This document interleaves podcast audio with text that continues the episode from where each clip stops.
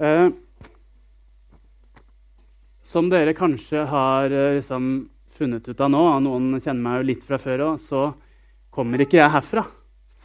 Jeg kommer jo egentlig fra Bryne. Nei da, jeg kommer ikke fra Bryne. Jeg kommer egentlig fra eh, Altså, jeg bor på Jørpeland, og så kommer jeg fra en by som heter Sarpsborg. Eh, og et lite sted som heter Greåker. Så Greåker det er midt mellom Sarpsborg og Fredrikstad.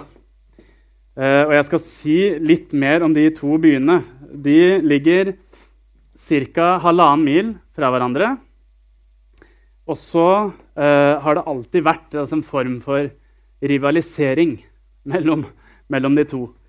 Um, både når det kommer til sport, og når det kommer til andre ting. Og noen i Sarpsborg kaller Fredrikstad konsekvent for den andre byen. Nekter å ta det i, ordet i sin munn. Eh, og motsatt, da. Så er det sånn stort sett liksom, godt ment og, og, og humor. Eh, men det er en stor grad av rivalisering eh, mellom de to byene. Og så hører det med til historien da at jeg heier på Fredrikstad fotballklubb. som en gang i tida var bedre enn Sarpsborg. men det endra seg da for noen år siden. Eh, og for fem år siden, i 2017, så ble det liksom ekstra kjipt å være Fredrikstad-supporter. Da hadde de lenge liksom prøvd å komme seg opp fra Obos-ligaen, som er nivå nummer to, uh, uten hell. da. Og det året der så gikk det sånn ekstra skeis. Da, i stedet for å rykke opp til Eliteserien, så var det noe dramatisk som skjedde. I hvert fall i mine øyne. da.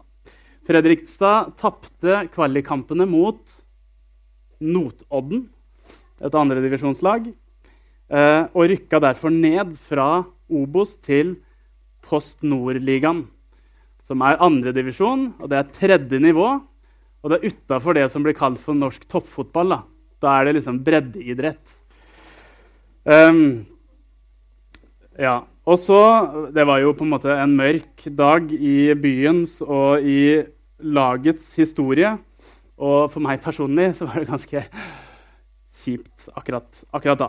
Og så husker jeg da uh, avisa dagen etterpå. Altså Der kom det av seg sjæl, gitt. Uten at jeg trykka til og med. Så var det noen fra Sarpsborg som hadde med blå bokstaver. Hvis du ser, Fredrikstad er ikke, det er ikke blått. Sarpsborg er blått. Med blå, store bokstaver på vei inn til Fredrikstad skrevet da ikke Fredrikstad, men Nedrykkstad.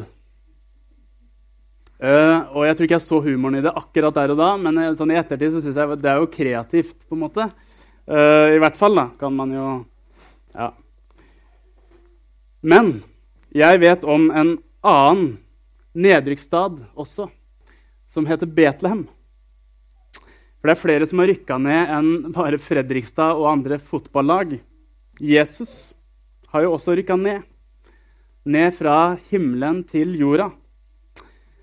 Og om det var en degradering fra Fredrikstad å rykke ned i Post Nord, så var det i hvert fall en degradering for Jesus. Han som bodde i himmelen og kunne sikkert befale englene til å gjøre alt for seg. Som var sammen med Gud, og alt var på en måte helt tipp topp. Eh, han var kongen.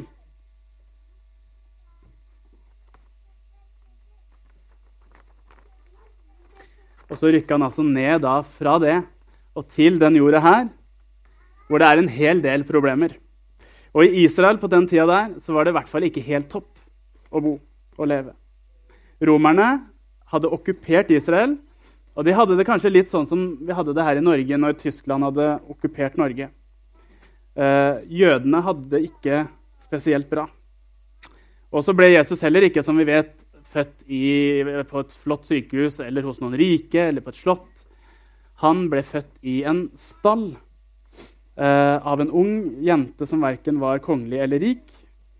Eh, og så høres det kanskje liksom litt sånn romantisk ut at han ble født i en stall, for vi er vant til den historien der. ikke sant? Men hvis vi tenker over det, så det må jo ha lukta fryktelig vondt. Altså, Jeg har vært i en låve og, og, vet at det, det, lukter jo ikke godt der hvor dyra er. Og han ble lagt i en krybbe. Det høres så flott ut, men en krybbe det er der dyra spiser. Det må jo ha vært liksom uhygienisk som bare den. Lukta vondt og veldig lite sånn verdig på én måte, da. Og ikke minst Hele grunnen til at Jesus kom til jorda, det var jo for at han en dag skulle dø en ganske sånn grusom død. Eh, så han gikk fra noe så bra i himmelen til noe så kjipt på jorda. Og så høres det jo nå foreløpig ganske trist ut, dette her. Eh, og julens budskap er jo overhodet ikke trist. Så følg med på fortsettelsen. På nettsida til Fredrikstad samme kveld som eh, nedrykket var et faktum, så skrev lederen for klubben en beskjed. Han sa dette er vendepunktet. Nå snur det for Fredrikstad. All ukultur skal bort, osv. osv. Altså, skrev en uh, flotte ord som gjorde at jeg tenkte yes, nå, nå er håp igjen. Uh, dette er vendepunktet, skrev han også. Når Jesus kom til jorda, så var det definitivt et vendepunkt. Historiens største vendepunkt. Fra syndefallet, når Adam og Eva spiste den frukten, så hadde menneskene og Gud ikke kunnet ha noe sånn nært fellesskap med hverandre uten at de måtte ofre masse dyr og, og, gå gjennom masse stress. Men Guds plan for å rette på det var at han skulle sende Jesus til jorda for eh, å leve et perfekt liv, for så å ta på seg alle våre problemer og synder og dø på korset, for å stå opp igjen og overvinne døden. Eh, nå er vi jo liksom godt inne i påska, men det jeg sier nå, men den dagen, altså første påskedag, så overvant Jesus døden en gang for alle. Og hele vendepunktet, det skjer nå i jula. At han kom til jorda. For det gir oss håp. For på samme måte som at Jesus overvant døden, så har vi fått et håp om at døden heller ikke er det siste for oss. Jesus tilbyr oss evig liv. Noen dager etter at Fredrikstad hadde rykka ned, så eh, ble jeg invitert på Facebook til et arrangement som het Opprykksfest. Uh, og, tittelen ja, og, og, datoen var satt til 13.10.2018, ca. et år fram i tid. En positiv uh, Fredrikstad-supporter som hadde invitert bredt der, altså. Etter at Jesus døde på korset og sto opp igjen, så ble han også rykka opp til himmelen. Og som jeg sa, så skal vi som tror på han, også en dag rykke opp til himmelen på samme måte. Tidenes opprykksfest. Men så er det minst én viktig forskjell på, de, på den sammenligninga mi her nå. Jeg tipper det er flere forskjeller enn én. Eh, men det er minst én kjempeviktig forskjell. Fredrikstad-spillerne gjorde alt de kunne for å ikke rykke ned. Man skulle selvfølgelig ikke tro det eh, på måten de spilte på. Men jeg så ansiktene deres etter den siste kampen der, og de gråt. Så de gjorde tydeligvis alt de kunne for at de ikke skulle rykke ned. Jesus derimot, han valgte frivillig å rykke ned til jorda. Og grunnen til at han valgte det, det var deg og meg.